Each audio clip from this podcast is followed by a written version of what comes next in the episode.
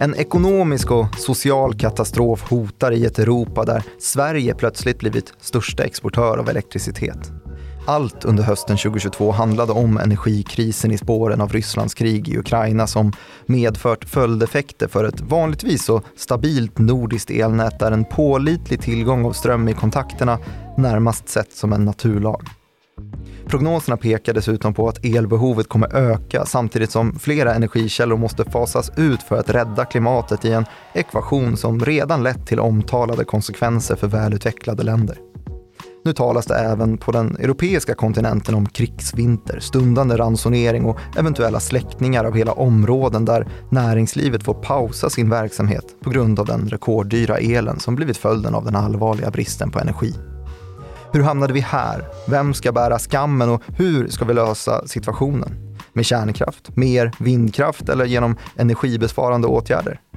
Det här är i alla fall Follow the Money, en podcast om makt, storfinans och börsen av med mig programledare Martin Nilsson och utrikesredaktör Joakim Rönning. Hej! Tjena! Hur mår du? Bra. Länge sedan. Sjuk eh, höst. Ja, verkligen. Det har blivit den bästa raggningsrepliken om man har ett eh, fast elavtal och prata om det. Att man har ett fast elavtal. Det brukar du prata om. Ja, Mm. jag har det. Vad har du? Ja, Det är rörligt. Det har rörligt ja. Ja. Mm.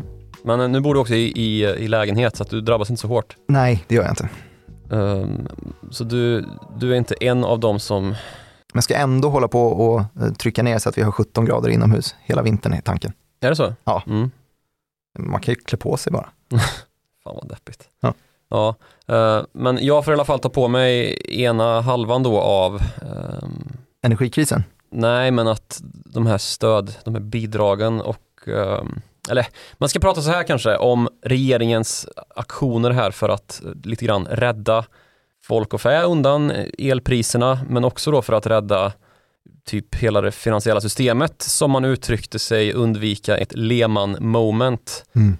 Eh, Och med det menas ju då att vi ska slippa undan en rejäl finanskris på grund av handel med derivat av olika slag. Och vi ska inte bli alltför tekniska för då tappar vi 75% av alla som lyssnar. Mm. Men det handlar ju då om att man helt enkelt får sätta till likviditetsgarantier som de här energibolagen kan använda sig av för att eh, trygga tillvaron för den energibörs eller elbörs som heter Nordpool som vi använder oss av för att koppla samman kunder och konsumenter då av energi, eh, elektricitet med eh, de producenter som säljer densamma. Just det. Det är jobbigt att vara producent på en marknad där eh, elpriserna plötsligt kan sticka 1000 procent. Ja, och det här ska vi alltså då separera om när vi börjar bena ut det här från de 90 miljarder kronor som också det har talats om. Det är ju rakare stöd, eller Ja, hur? precis. Men det är ju två helt olika saker då. Det, Mm. det blir ju mycket siffror som kastas runt här. Men ska vi börja där då, då? Ja, vi gör det. För det är ju då helt enkelt stöd till hushåll och företag. Mm. Och man har sagt då 90 miljarder totalt. Det, och det är ju fantasisummor, men om man ska jämföra det med någonting så är det ungefär 1,6 procent av, av BNP i Sverige. Och lite mer än vad vi lägger på försvarsbudgeten på 76 miljarder till Ja. exempel. Och det här är ju inte siffror som står ensamma, du sitter och skrattar. Nej, det är mycket. Utan det är ju andra länder som resonerar på precis samma sätt. Mm. Vi kan komma in på Tyskland senare. Där har vi siffran 65 miljarder euro Oj, istället. ja. Eh, Och på BNP per capita-nivå så är det ungefär i linje med vad våra 90 miljarder Ja, kronor. Det det bor ju fler i Tyskland och så vidare. Storbritannien sticker ut lite grann. 130 miljarder pund har de sagt, men över en lite längre tidsrymd, 18 månader ska de här räcka. De har också sjukt dyr elektricitet. Mm. Det är därför Norge till exempel eh, drog en elkabel dit för att kunna sälja el dit där den är allra dyrast. Påhittiga de där. Till eh, Storbritannien och till Tyskland drog man. För att, ja, man rundade Sverige. Men de här, det här första som du nämnde, likviditetsgarantierna, det, det bör då inte förväxlas med Mm. Nej precis, stöden. för de här 90 miljarder kronorna då, det är ju då för att premiera riskvilliga villaägare som eh, då eluppvärmer sina villor och inte har tagit ansvar som vissa andra då och tecknat ett femårigt fast avtal för 56 öre per kilowattimme. För den som undrar vad jag betalar exakt, Skryter om det igen. jag gör det, det är typ det enda jag gör nu. Mm. Från att inte överhuvudtaget ha brytt sig om det här så har ju alla plötsligt full koll på vad man har för elavtal. Mm. Och bunden eller obunden ränta också Ja, nämns och- ibland. Som jag sa det här med att Norge då inte vill sälja sin el i Sverige, vilket typ är ett avtalsbrott, men det är ett avtalsbrott som man har råd att eh, dra på sig för att Sverige också bryter mot en del avtal visar vi Norge. Det är ju då för att eh, Sveriges el är billig jämfört med många andra länders. Framförallt då ju längre norrut man kommer, för där produceras det ju väldigt mycket vattenkraft. Och vattenkraften är i så pass eh, stor mängd att vi kan betala ganska lite för den.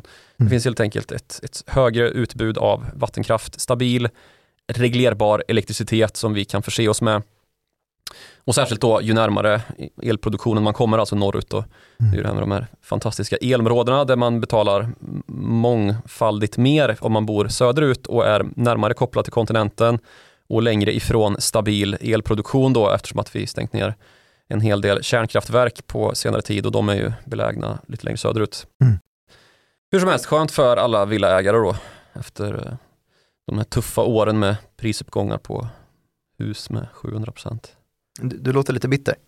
Det är ju bara trist när man träffar rätt i marknaden så här och binder sig och så Just det, du får inte ta roll. del av de här Nej. stöden. Nej. Får inte. Nej. Vi som är proaktiva, läst marknaden, gjort rätt. Mm. 6 öre per kilowattimme alltså. Synd om dig. Men du sa att du var skyldig för den här andra delen av statens Mm. utfästelser. Vad, vad menar du med det? De 250 miljarderna som, eh, som svenska staten då eh, och ytterligare 100 miljarder ungefär motsvarande i eh, finländska statens euro-utfästelse på, på typ 8,5 miljarder euro eller någonting. I likviditetsgaranter då som ska göra att vi undviker en sån här Lehman-liknande situation då, alltså en finanskris där det blir stora förluster i eh, finansmarknaden som leder till att vad ska man säga, oskyldiga drabbas när företag börjar gå omkull.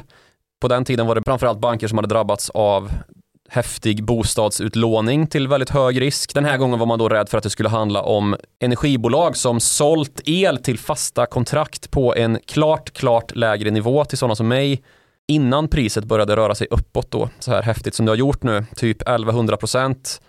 Och då satt med icke-realiserade förluster som praktiskt taget hade kunnat försätta bolagen i teknisk konkurs som man kallar det. Just det, för när de sitter på sådana här leveransförpliktelser så kan de krävas in en deposition för att se till att de har säkerheten bakom det. Precis, och den som kräver in en deposition, alltså en säkerhet från energiproducenten, alltså leverantören av elektricitet, det är ju då Nordpol som är, Tomtens hem, ja, är det det? Inte det? Nordpolen, Ja, nej det är inte den Nordpolen vi pratar om. utan elbörsen.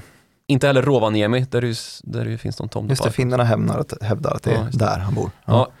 Nej, vi pratar alltså om den nordiska elbörsen Nordpol, som ju driftas av Nasdaq och ägs av Svenska kraftnät och dess motsvarighet i Norge.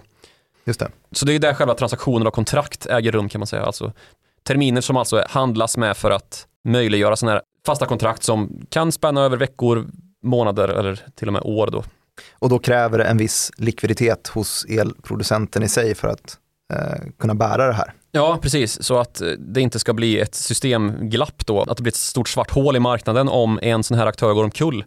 Vilket ju sker emellanåt. I finanskrisen var det som sagt Lehman Brothers, men vi har ju haft liknande incidenter på, på elbörsen här för inte så himla länge sedan när det var en norsk trader som plötsligt eh, gick i fel riktning med en jättestor hävstång och ja, skapade ett gigantiskt, gigantiskt hål i den eh, nordiska elmarknaden. Han heter Einar Ås, en norrman som eh, ja, dukade under finansiellt i eh, den här portföljkollapsen som var hans då. Mm. Där han inte hade räknat med att det skulle bli väderomslag och lite här grejer som ju är viktiga för den nordiska elmarknaden då där det är mycket oplanerbar el, alltså vindkraft framförallt. Just det. Men det skiljer sig lite från hur Lehman-kraschen såg ut ändå. Men där handlade det ju om ruttna lån. Om man har följt den här presskonferensen som Magdalena Andersson och Stefan Ingves och även Erik Thedéen, Mm. blivande centralbankschef och nu Precis. på Finansinspektionen. Det var en lite snömosig presskonferens där. Ganska snömosig Många som inte riktigt hade koll på vad de, hur de skulle framföra det de ville har sagt. ha Men, sagt. men, men det de kom fram till ändå var ju att eh, det här är inte att likställa med eh, elpriskompensation, alltså ett stöd som skickas ut till hushåll, utan det här är kortsiktiga lån bara för att säkra likviditeten, se till att den här marknaden flyter på Eftersom att det handlar inte om att eh, företagen i sig gör för stora förlustaffärer, utan det är att svängningarna är för stora, marknaden riskerar att frysa till is. Precis. Det här är viktigt att påpeka då att parallellt med att det sker terminshandel, alltså att man köper kontrakt som gäller på längre sikt, till exempel bundet elavtal fem år. Det är någonting som både hushåll och företag kan köpa sig liksom. Så existerar ju också de så kallade spotpriserna och spotpriserna det är ju vad elen kostar där och då liksom. Precis just i det tillfälle där man läser av spotpriset så är det vad elen kostar. Och det är då vad man förhåller sig till om man har ett rörligt elavtal.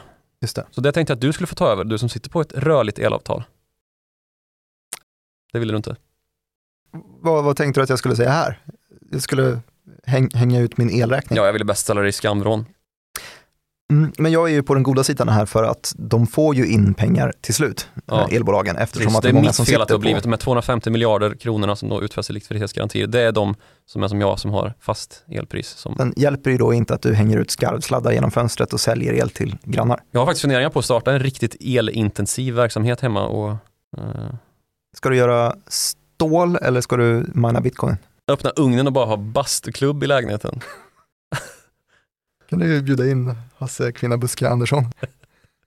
Ja, den referensen får man lyssna på vårt Afrika, Avsnitt sex kanske, var det det? ja, vår afrika Vad du skulle göra på sommar. sommaren. Ja. ja, nej, men det låter ju faktiskt eh, varmt och härligt. Ja, han verkar vara en varm man, han, Hans Kvinnobuske. Verkligen. Hur som helst så är det ju det de lutar sig mot när de står och håller den här presskonferensen. Hasse Kvinnobuske. Ja, nej, men Magdalena Andersson och Ingves och eh, Erik Thedéen och kanske Max Elger var med också. Jag vet inte. Eh, de står och lutar sig mot då att det här är inte pengar som kommer gå åt intet och belasta statskassan utan det här är pengar som kommer tillbaks för att de får ju tillbaka sina pengar sen. Det handlar om att mjuka ut de här topparna och dalarna i deras Men ekvationer. hur får de tillbaka pengarna då? Jo, men att eh, Fortum till slut får in pengar via mitt rörliga avtal. Just det, när du får betala din skyhöga elräkning till slut, Yes. då kommer pengarna in. För priset har ju gått upp så mycket så att det här hålet i marknaden kommer ju tättas igen så länge som inte alla har samma femåriga elavtal som jag har. Exakt. Mm. Hur kom vi hit till att det faktiskt spelar roll om man har ett femårigt bundet elavtal eller inte? Det här kan man ju prata om till leda, men om vi ska prata om det mest akuta skedet här så handlar det ju om gasstängning. Mhm. För fredagen den 2 september 2022 så kommer ett besked från G7-länderna om att man vill införa ett pristak på rysk olja för att man då ska sätta hårt mot hårt då mot Ryssland nu i eh, energisammanhanget eftersom att Ryssland tjuvhåller på gas. Det har man gjort ett ganska bra tag. Det gjorde man till och med innan kriget i Ukraina, men kriget i Ukraina är ju en väldigt väsentlig faktor i det här spelet som nu gjort att Europa står utan tillräckligt mycket energi. För det är ju så att vi under de senaste decennierna har gjort oss väldigt beroende av den ryska gasen genom en mängd olika gasledningar som då Gazprom, det statliga ryska gasbolaget, nyttjar för att skicka gas till framförallt Tyskland och Italien som har blivit synnerligen beroende av den ryska gasen då. Så det här är ingenting som egentligen har med svensk gaspolitik att göra eftersom att vi inte behöver någon gas, typ, väldigt lite i alla fall. Väldigt liten del av den svenska energimixen utgörs av naturgasen. Så i samband med att G7 kom med det här beskedet då att man ska sätta pristak på rysk olja så svarade Ryssland med att ja, men då stänger vi Nord Stream 1, alltså den första Nord Stream-ledningen som går genom Östersjön och förbinder Tyskland med rysk gashamn. En ledning som tidigare under några dagar var stängd på grund av underhållsstopp. Men då hävdar Ryssland nu då att nej, men det, det här är en ledning som inte går att reparera och det beror på att det är så mycket sanktioner på ryska företag nu att vi kan inte laga den. Eh, sanningshalten i det kan man väl kanske bedöma. Men nu pratas det ju om att det här kriget, militära kriget också har då blivit ett skarpt energikrig där Ryssland helt enkelt slår mot väst och de som stöttar Ukraina i deras försvarsinsats. Så Ryssland hävdar här när de säger att den inte går att reparera på grund av sanktioner att de inte kan få till de materialen som de vanligtvis fick från väst. Ja, kan man säga. Det är Eh, Siemens då, det tyska bolaget som ska reparera den här ledningen, men ja, man hävdar då att det går inte, vilket ju tyskarna hävdar att det stämmer inte. Det här är, handlar om något helt annat och vad det är, Har ju kanske mer att göra med att väst bistår Ukraina i den här ja, sidan man vill ju helt enkelt att Europa ska sluta lägga sanktioner på Ryssland och stötta Ukraina i krigsinsatsen. Sen så utspelar sig ju den här situationen i ett läge som vi har ju faktiskt byggt upp ändå, måste man ju säga. Vi har ju byggt scenen här eh, under ganska många år, som sagt flera decennier av att tillåta Europa och där i även Sverige att underinvestera i sitt energisystem. Jag vet inte, känner du dig förvånad över den här situationen? inte särskilt, nej. nej. inte jag heller. Det, jag tycker nästan det är förbluffande att någon är det som, ja någon kan ju naturligtvis få vara det, men om man överhuvudtaget eh, hängt med i debatten och alla larm som kommit från näringslivet och forskare och energibolag i det här så borde man ju verkligen inte vara särskilt eh, Nej, det borde i alla fall inte gå på dekis vad gäller tillgänglig energi i Sverige eftersom, vi pratade senast för ett halvår sedan ungefär om hur mycket energi som man förväntas behöva förbruka 2045. Ja, precis. 40-45 finns det olika prognoser. Men det här har ju varit och blivit en uppenbar svaghet då som skulle komma att utnyttjas och som har gjort det över tid också. Vi har ju haft diskussionerna om Tyskland och deras kärnkraft som ju är en, en het potatis, som det alltid ju är. Men där har man ju då helt gått på den ryska gaslobbyns linje eftersom att det är ryska bolag i form av framförallt Gazprom då som är ett statligt ryskt bolag som är en av de allra största exportörerna av gas till Europa och som ju har ganska goda affärsmöjligheter då av att pressa på mot att man ska lägga ner kärnkraft, vilket man gjorde efter Fukushima-olyckan i Japan 2011. Nu har ju Tyskland i princip lagt ner alla sina kärnkraftverk det är några kvar nu som man har lite grann bytt fot om för att man är tvungen när det då ser ut som det gör, att man inte får in någon gas helt plötsligt. Och att det nu utspelar sig så som det gör, det, det är liksom, det var ju inte bara öppet mål för Vladimir Putin att göra så här.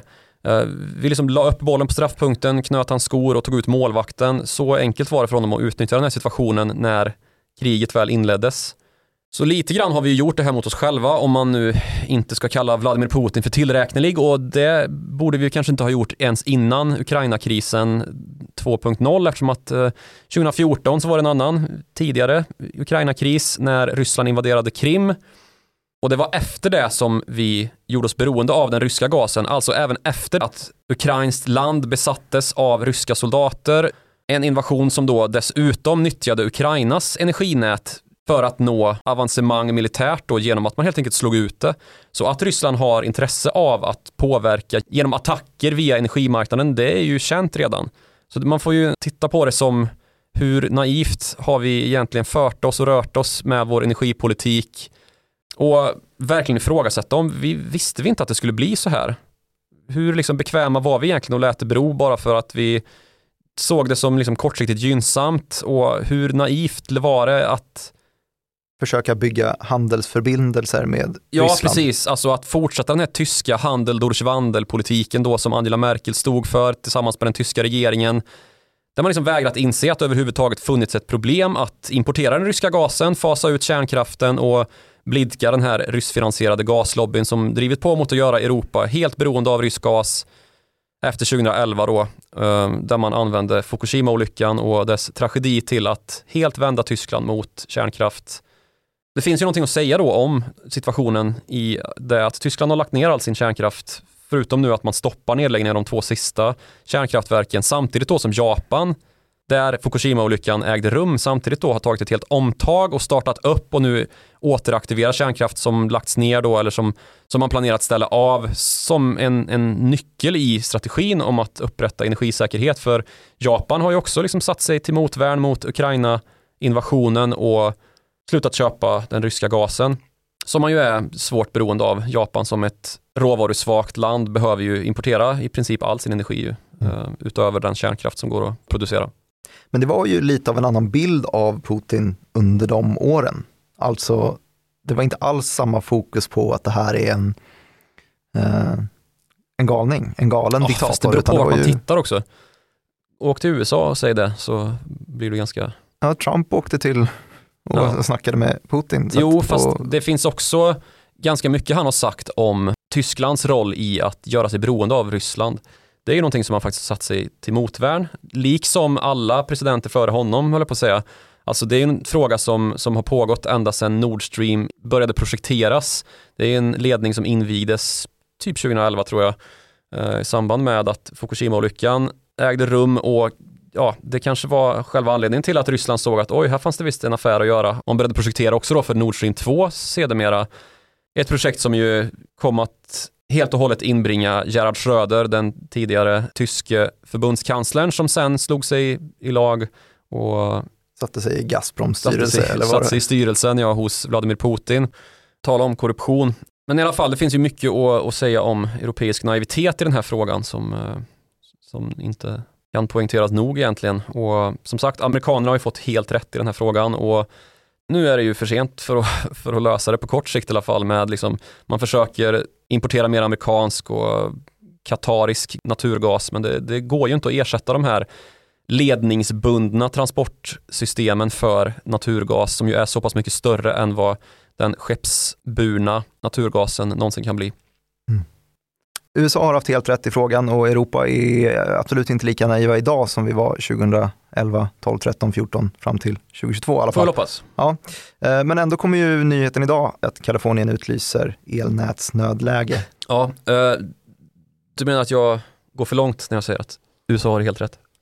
Ja, men om de hade haft helt rätt så hade de ju inte behövt utlysa Nej, det här. Jag har inte helt rätt. Men det nödläge som råder i Kalifornien, visst det har att göra med också underinvesteringar, men det har inte med Ryssland att göra i alla fall. Inte direkt.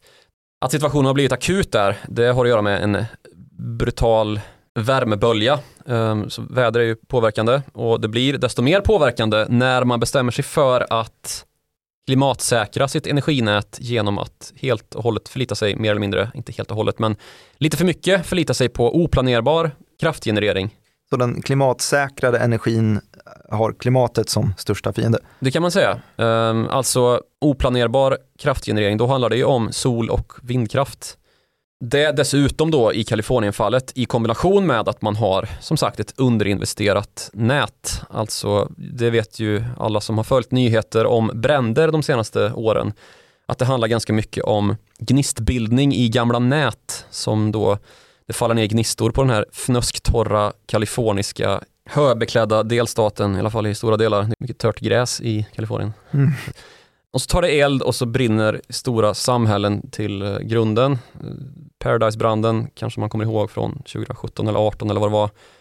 Men det den här progressiva delstaten då har åstadkommit är att man har koldioxidbantat sitt energisystem alldeles för snabbt och det har man gjort då genom att införa en högre andel av oplanerbar kraft, alltså vindkraft och solkraft, än vad man klarar av att försörja nätet med då i form av planerbar kraft. Och planerbar kraft det är sånt som man vet att man kan sätta till när det behövs och i svensk form så handlar det om vattenkraft och kärnkraft. I Kalifornien så handlar det ju primärt om naturgas. Mm.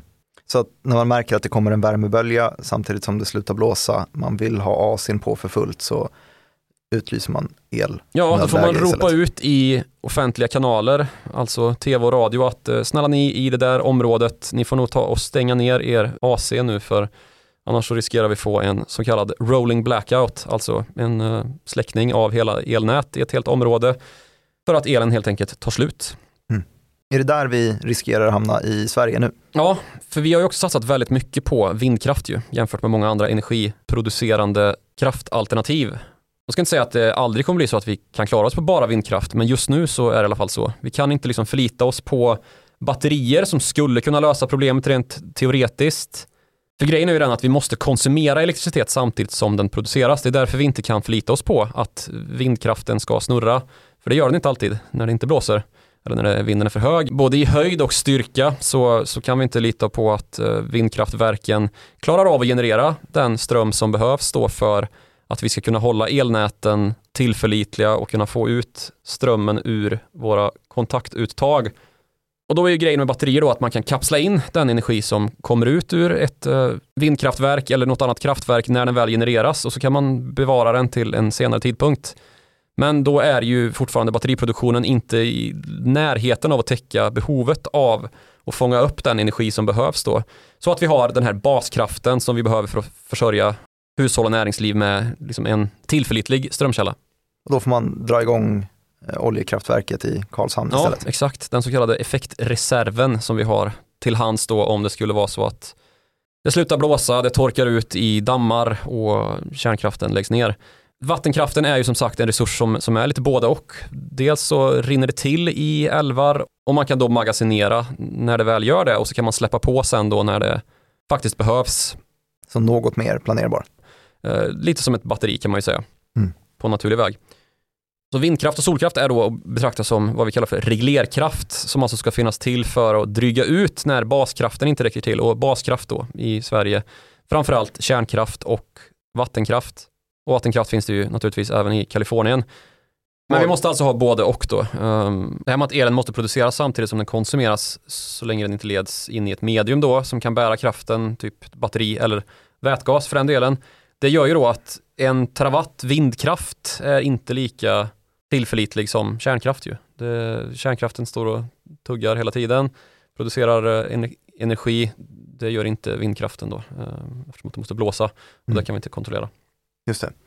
Och det gör då sen att eh, Kalifornien måste gå ut och utlysa ett elbristnödläge när Ja, det blir stäng av värmeböljor. Asien säger de på radion och tvn och så får man, ja. Likaså sa också Frankrikes Macron ja så vi de, går ju dit här i Europa också uppenbarligen. han ville då att man skulle dra ner på slöseriet och Mm. sänka elkonsumtionen med 10 procent. Att det som skulle gjort. lösa problemet. Exakt, dra ner till 17 grader så Ja. är vi hemma. Sitta hemma och mysa, Mm-mm. stearinljus istället. Finansvästen på även Ja. hemma. Du nämnde vätgas här. Ja, det gjorde jag. Ja, kort kanske man ska säga att det är också ett medium som man kan bära energi i genom det då att man använder vindkraftverk, annan elektricitet för att tillverka vätgas, vilket man ju gör då i en process som kallas för elektrolys, som kostar väldigt mycket energi. Och då kan man använda energin till detta som sen då kan eh, skeppas vidare och hamna i en batteriladdningsprocess kan man säga, som sen kan driva en maskin framåt och mm, därmed ha agerat medium för energi istället för att den bara läcker ut i ett elnät utan att få någon nytta av sig. En eh, lastbil från Nikola. Ja, ja nu finns det ju inga sådana, men eh, däremot eh, så finns det ju projekt, både Sverige och Norge har ju försökt att utmärka sig som innovatörer i det här. Nel och Powercell. Ja, visst Nel och Powercell, men även Volvo Trucks och eh, har ett samriskprojekt ihop med Daimler Trucks, den största konkurrenten. Så man försöker ju verkligen komma till skott då med processer som ska kunna driva, inte bara fordon då i Volvo och um, Daimler-fallet, utan också industriprocesser så att man ska kunna drifta stor verkstadsindustri dagarna i ända eh, med hjälp av då vätgas som har utvunnits med energi som annars hade gått om intet eldats för kråkorna kan man säga. Just det, men det är ett par år innan vi kommer dit. Ja, det är det ju. Givet en jämförelse då där Sverige skulle kunna nyttja den, den eleffekt som man konsumerar för att då ladda all världens batteritillverkning under ett år på bara några veckor så säger ju det allt om hur lite batterier egentligen finns och hur beroende vi är av våra löpande kraftnät så att säga. Så tills vidare får man förlita sig på de 90 miljarder man får i elpriskompensation tills Ja. vi har det här på plats. Ja, vad nu det ska säga.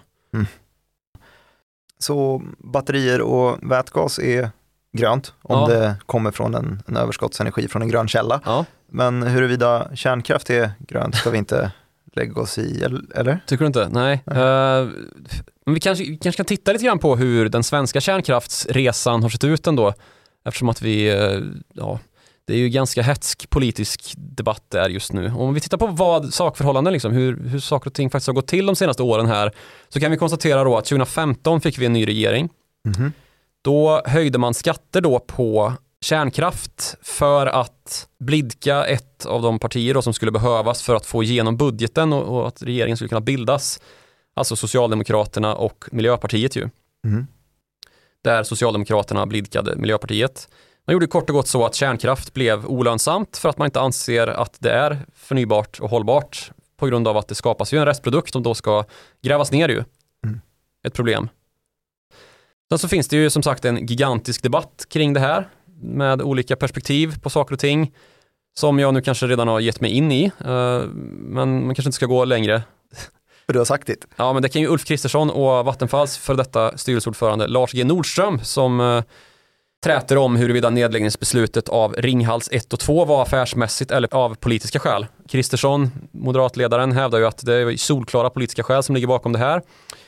Lars G Nordström hävdar att det var inte alls det. Det var ju affärsmässigt. Och då kan man ju i nästa steg då fråga sig, men hade det varit affärsmässigt även om de här straffskatterna inte hade kommit på kärnkraften eh, som en följd av det här blidkandet av Miljöpartiet?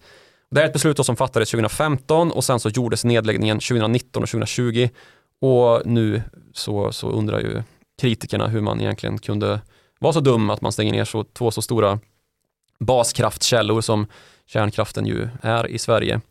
Men så sitter vi här ändå. Ja, det gör vi. För den enda faktan vi har är i alla fall att de inte är aktiva just nu. Yes, och att vi får elbidrag för 90 miljarder kronor istället. Mm. Då har vi kommit till eh, Ekonomi helt plötsligt. ekonomi helt plötsligt. Mm. För nu måste man ju prata lite om eh, det här härliga lappandet och lagandet som vi ägnar oss åt i politiken där vi då har ett stort problem som kanske skapat inflation Mm. på grund av att eh, produktion stannat av, leverantörskedjor har stoppats upp och lett till att vi får färre produkter i hyllor eh, att handla av. Samtidigt då som medborgare i i alla fall välutvecklade länder har strösslats med bidrag av olika slag. Du tänker eh, dels den här elpriskompensationen men också kanske Pandemi tänker vi på. just det. Ja. Och så Lå- har vi krig och, pan- och- pandemi först och sen så har vi krig och däremellan en massa bidrag som ju har gjort att folk har fått mer pengar att röra sig med. Ja, inte bara spikrakt så eftersom att folk har ju kanske också blivit av med jobb och sådär i vissa länder i alla fall. Men besparingarna har varit höga i välutvecklade länder samtidigt som produktionen och leverantörskedjorna har säckat ihop vilket har lett till mer pengar att handla för, mindre varor att handla. Och vad händer då? Ja, då har vi ju ett exempel på att realekonomin har tagit skada så har man försökt lappa ihop det med att skapa nya pengar och Ja. stoppa dem i folks händer istället. Och då får vi prisuppgång helt enkelt. Just det, Mer pengar, färre varor, inflation. inflation. Och det är ju här vi är just nu och vi har pratat om det i, i många avsnitt tidigare också, just den här positionen där man, Öser ut pengar för att bota inflation. det är ju lite kontraproduktivt kanske. Ja. Vi har ju då två stycken läger här. Vi har ju just den, den penningpolitiska foran med centralbankerna i spetsen, led, leds av Ingves i Sverige, vars mål är, och han har ju uttalat det tydligt många gånger, se till att hushållen har mindre pengar i plånboken att röra sig med. Det är så vi stramar åt ekonomin. Och hans största verktyg för att göra just det här är ju att eh, åtgärda de kvantitativa lättnaderna, dra dem åt andra hållet, kvantitativ tightening istället och såklart höja räntan. Ja, ja, Ehm. kvantitativ tightening som, och sånt där som vi inte ska slänga oss med hur som helst för det tappar vi lyssnare på. Just det, och just därför kanske jag bara nämnde att han vill få hushållen att ha mindre pengar i plånboken. Du är så pedagogisk. Ehm, och sen så har vi den finanspolitiska sidan som också har något form av val på gång och kanske vill visa sig extra handlingskraftiga. När vi sitter här i september 2022. Och kanske också finns det ganska många realekonomiska argument för att man vill eh, släta över en, en elkris. Det låter som att eh, penningpolitiken och finanspolitiken inte går hand i hand. Den gör ju inte det riktigt. För att man tänker ju då rent spontant här att trycker man ut 90 miljarder kronor i det svenska samhället, det är 8500 kronor lite drygt per person, så Hjälper det ingenting? inflationsmässigt nej. Nej, det Men- blir bara värre. Det gör ju kanske att ett par personer slipper, jag vet inte, sälja bilen, lämna huset och är göra kortsiktiga ekonomiska beslut som inte gynnar dem i längden Mm. och på så sätt eh, påverka samhällsekonomin. Men på det stora hela så får vi problem med högre priser som ju bara ökar när vi som sagt öser ut pengar för att bota inflation. Saker blir dyrare eh, att tillverka ändå liksom. Eh, Det spelar ingen roll vem som betalar för det. Nu gör staten det genom de här elbidragen. Men oavsett vem så, så möjliggör det ju att de här högre priserna kan betalas. Och det leder ju bara till ökad inflation. Nej. Nej. Eh, enligt teorin här då istället då så är ju första tanken kanske att det här är rejält inflationistiskt, att man trycker ut 8500 kronor i handen på varje medborgare så att de kan lägga pengarna på annat än el. Men det sker ju på bekostnad av statlig belåning. Och det är pengar som ska tillbaka till statskassan. Och det är alltså därför inte lika expansivt som en räntesänkning eller kvantitativa lättnader. I teorin i alla fall. Men i praktiken så är jag helt inne på ditt spår för att människor agerar inte så, har vi märkt. De sparar ju inte för att kunna betala tillbaka till staten utan det kommer ju fungera precis som vi såg Trump Economic Impact Payment, alltså den här checken som man skickade ut i ekonomin, gick ju rätt in i Robinhood istället. Alltså gör omedelbart avtryck i inflationen. Robinhood som är en amerikansk nätmäklare för småsparare. Just det, Mm. inkörsporten till GameStop. som är ett memaktiefenomen som göddes av Reddit. Ja. Som vi har flera avsnitt om. Det Och som var piken på vansinnes tjurmarknaden på börsen för, för något år sedan. Stämmer. Ja, jag blir rädd när du, när du svablar ner mig sådär och säger att jag har fel om och sen så avsluta med att jag nog har rätt. Ja. Men i alla fall, det här leder ju till med elbidrag då, det, det, det kommer inte hjälpa någonting. Och vi får problem med högre priser. Och där det landar i till slut kommer ju vara en konsekvens liknande den vi har mot många av de politiker som har fattat beslut om kärnkraftsnedläggning, både i Tyskland och andra länder. Och precis som Emmanuel Macron gjorde så har man ju också i Tyskland och sedermera också Sverige nu gått ut med uppmaningar om att spara el. Mm. Något som Sveriges energiminister Khashayar Farmanbar uppmanat till då. Mm. Och vad leder det till då när politiker uppmanar hushåll och företag och myndigheter att spara el? Vi vinner över Putin. Visst, men eh, att man uppmanar till elbesparingar är ju en konsekvens av att deras politik inte har dukt till att ge oss den el som nästan har varit naturlag i Sverige under så många år. Det blir ett eh, realekonomiskt avkall. Ja, precis. Det är ju jättedåligt för Sverige och det här Kalifornien-scenariot med blackouts är ju inte längre otänkbart. Vilket det borde vara i ett land med eh, en basindustri som vår, där dessutom det inte var så himla länge sedan man låg i absoluta framkant vad gäller elektrifiering, har flera bolag med ABB till exempel, som varit i absolut framkant vad det gäller elektrifiering och fortfarande är det. Man har en gigantisk pappers, smältverks och verkstadsindustri som är helt beroende av ett kvalitativt elnät. Men där man helt enkelt då från politiskt håll har orsakat ett kraftnät som har i sin kontext blivit svagare år efter år. Mm. Så om man ska ta de här 90 miljarder kronorna då, strunta i om det är inflationistiskt att betala ut dem eller inte och bara titta på vad som hade varit en bättre nytta med de 90 miljarder kronorna så är ju det ganska enkelt att konstatera att det är ju att ha pumpat in de pengarna redan i ett energinät för att få det att bära och hålla bättre än vad det gör idag och därmed inte orsaka nedstängningar, att helt enkelt allt från bagerier till liksom smältverk ska behöva stänga ner sin verksamhet för att man drar på sig en mindre förlust av att helt enkelt upphöra med produktion snarare än att ta förlusten av att behöva betala en enormt hög elräkning. Du menar lite grann att det är skattepengar för att Ja, bekämpa ett symptom och inte Precis, själva det är ursprungsproblemet? just vad det är. Alltså, det är ju skattepengar som nu betalas ut som raderar ut tillväxt, alltså produktion som hade kunnat nyttjas bättre då i ett tidigare skede om vi hade rustat upp nät, sett till att ha energialternativ som duger till och en elförsörjning som är ja, jämlik över hela landet och som är anpassad efter den ekonomi vi har i Sverige, de behov vi har för att få hjulen att snurra. Det har vi inte- uppenbarligen inte. Sitter du och backtradar politiska beslut nu? Ja, det gör Det gör du rätt i. Så vad vi gör nu är att liksom ta de skattepengar som vi i ett tidigare skede borde nyttja till att utveckla och trygga vår energiförsörjning och förgöra den välfärd som är beroende av elektricitet ju. Och det är i princip samtlig välfärd. Så liksom, vi är ju beroende av elektricitet idag. Och mer åt det hållet kommer det ju bli enligt alla prognoser. För samtidigt som utsläpp måste minska, vilket ju är ett problem i sig, eh, för att trygga energiförsörjningen, som vi måste komma till skott med, alltså att koldioxidsäkra elnätet, så kommer elbehovet att, öka stadigt ju. Elbilar och laddstolpar överallt, vi ska ha fossilfri järn och ståltillverkning och allt det här.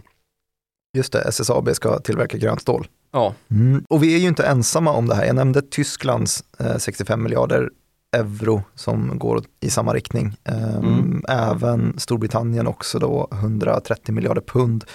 Där har vi också en liten speciell inriktning, för det verkar som att man inte riktigt eh, ser på inflationen på samma sätt där.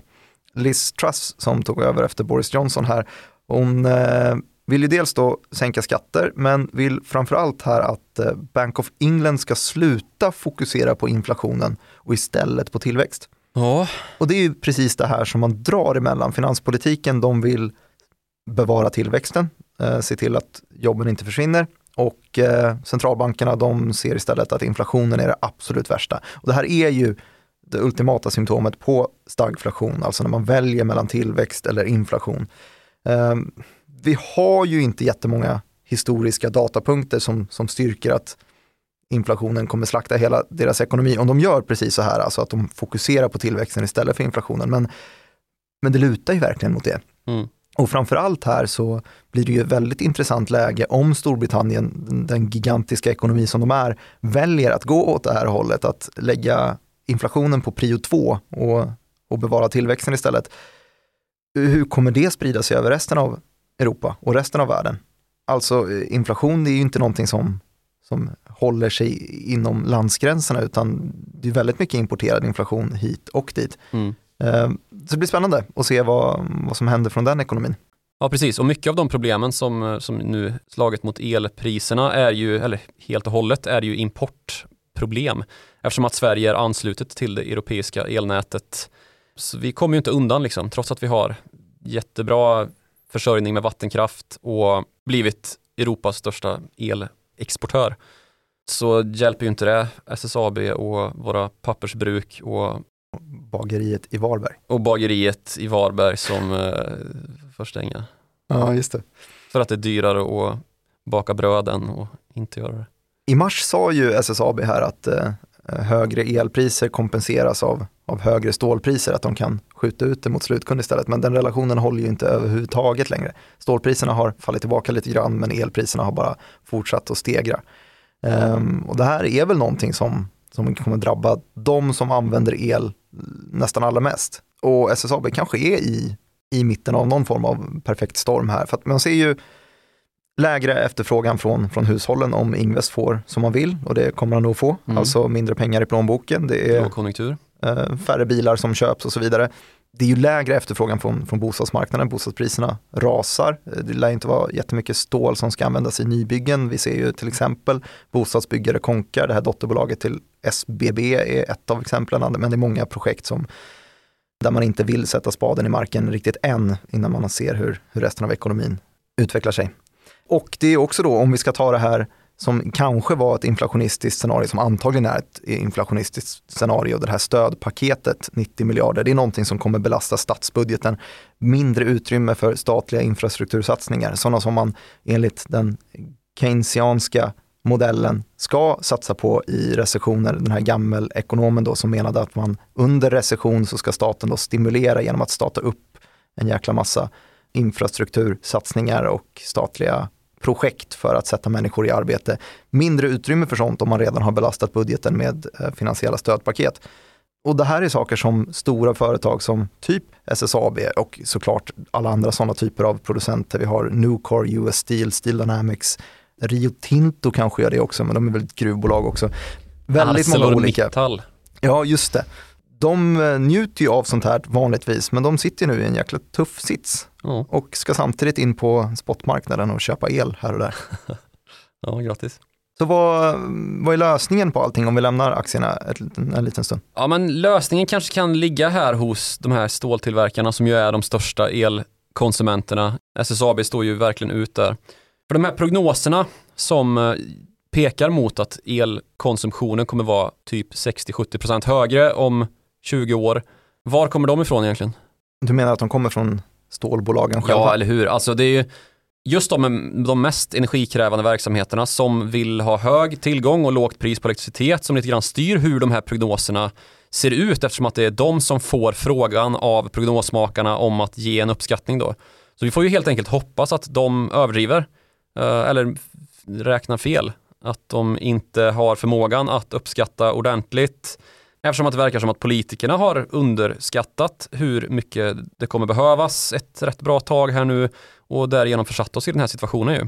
Just det, det är deras egen intresse här att det ska finnas mycket Ja. tillgång Alltså till de el. som behöver mest elektricitet vill naturligtvis ha så mycket elektricitet som möjligt på marknaden för att kunna ja, pressa priser, att det ska finnas en hög tillgång och att marknaden därmed ska kunna möta den högre efterfrågan då. Och om man då säger att nej, men vår efterfrågan kommer bli, ja men fan tryck till nu prognos eh, Anna, dra på 10% till i den här enkäten som Energimyndigheten skickade ut här så att vi får en liksom, ordentlig boost när vi nu ska expandera eh, så håller vi priset ner lite grann. Den idén liksom. Eftersom att en av de största insatsvarorna är, är Ja. just el. Exakt. Ja, så, så en, en del av räddningen, en del av lösningen är att de här prognoserna om elbehovet i framtiden ja. är eh, uppskruvade. Ja, eh, men problemet här och nu då, eh, det, det är ju egentligen för sent att lösa den här uppkomna situationen Mm. utan att då ta, nagga på tillväxten genom att spara el, för det är ju det man gör då. Eh, visst, man kan spara på slöseri av el. Vad är det? Ja, men det är ju kanske att stänga fönstret då om man inte behöver kyla ner sig, eh, typ. Just det. Stänga av AC'n om man inte är hemma, sådana grejer då. Eh, det är väl inget jättestor grej i Sverige så här på höstkanten, men i Frankrike kan det ju vara kanske. Men den här höstens energikris går inte att lösa, framförallt inte med kärnkraft. Eftersom de verk som har stängts ner, de låter sig ju inte startas säkert, har vi fått reda på. Framförallt inte så här snabbt och dessutom så tar det jättelång tid att uppföra nya kärnkraftverk. Det är inte som att kasta in en, ett vedträ i brasan liksom och värma sig med kärnkraft. Utan det är ju en process som tar enormt lång tid, alltså tiotals år. Särskilt vad det gäller storskaliga kärnkraftverk ju. Mm. Där står ju istället hoppet då till eh, teknisk utveckling, att man på sikt då ska få på plats sådana här SMR-verk, Small Modular Reactors, eller små modulära kärnkraftverk då som ska kunna förse mindre områden med kärnkraft. eh, Då blir också mindre farliga än vad de här stora kärnkraftverken som vi har haft eh, haverier i Fukushima allra senast. Sen har vi haft också Tjernobyl och Harrisburg som eh, de mest kända exemplen. Det här är någonting, vi har snackat om Storbritannien nu, men det är väl något som just de har. Ja, precis. eh, Rolls-Royce, riktat på. eh, inte lyxbils Rolls-Royce utan verkstadsbolaget då som ägnar sig åt att förse kraftproducenter med olika lösningar och har en kärnkraftsdivision. Och till, eh, tills det är på plats så är det, Håll tummarna. hoppas att det blir milt väder och måttlig kuling. Eller? Ja, det kan man säga. För det, vädret kommer ju spela in här också naturligtvis och inte minst då om det skulle bli så att vi får en mild vinter så att man slipper att elda en massa gas nere på kontinenten. I Tyskland handlar det om specifikt, primärt Italien även så. Så kanske lagren räcker lite längre än vad, vad man befarar. Och sen så får vi också hoppas då på att det blåser eh, så som det ska så att vindkraften genererar eh, att det regnar tillräckligt för att fylla upp vattenkraftmagasin och att fransmännen stänger fönstret ordentligt. Verkar det som. Men då har vi det. Mm. Eh, Det känns ju inte så svårt. eh, du ser lite obekväm ut. Ja, men det känns som att vi har, eller framförallt du har, snackat skit om en massa kärnkraftsnedläggare i det här avsnittet. Ja, det kanske gör det. Ja. Men det är inte, det är inte min intention. Nej. Eh, långt ifrån. Kan du inte snabbt byta hatt då så får jag se hur det ser ut i antikärnkraftslaget. Eh, ja, eh, då kan man ju argumentera för att vår nutida operativa kärnkraft, den som inte har lagts ner, att den då har försetts med vissa förmåner som inte går att, att liksom sätta ett värde på egentligen, som inte går att uppskatta priset på förrän det är för sent. Va? Ja, men ehm, alltså det, förmåner som att kärnkraftsägare inte behöver ta, ta någon höjd finansiellt för de skador som stora reaktorolyckor kan orsaka till exempel. Just det. Eh, och det finns också regleringar som befriar från ekonomiskt ansvar vad det gäller risker med kärnavfallet då som kan komma i framtiden, alltså lite grann en, en fri- friskrivning för faktor X. Så det ligger ju på en ganska teoretisk nivå men Men det skulle vara lite grann som att eh, köpa eh, utsläppsrätter, men säkerhetsrätter för anrikat kärnkraft. uranrätter, Ja, just så. där har du en marknad. Blir det framtiden? Ja. Eh, Jag ska pitcha det till Rolls-Royce. ja, så kanske Nordpol tar in det. Mm. Uh, fan vad man bäddar för en riktigt sjuk likviditetsgarant från staten när det väl uh, skiter sig. Mm. Det blir jobbigt. Nuclear, layman moment. Nuclear Lehman moment. Eh, är vi klara? Ja, jag tror det. Kul att vara tillbaks. Ja, Vi eh, får väl tacka alla som hör av sig till followthemoney.direkt.se som är vår mailadress. Ja. Och framförallt tack till de som följer oss på Twitter. Dig når man på snabel Joakim Ronning och mig når man på snabel Direkt Martin. Eh, vi är jätteglada att ni är tillbaks och lyssnar på oss. Så hörs vi igen om en vecka.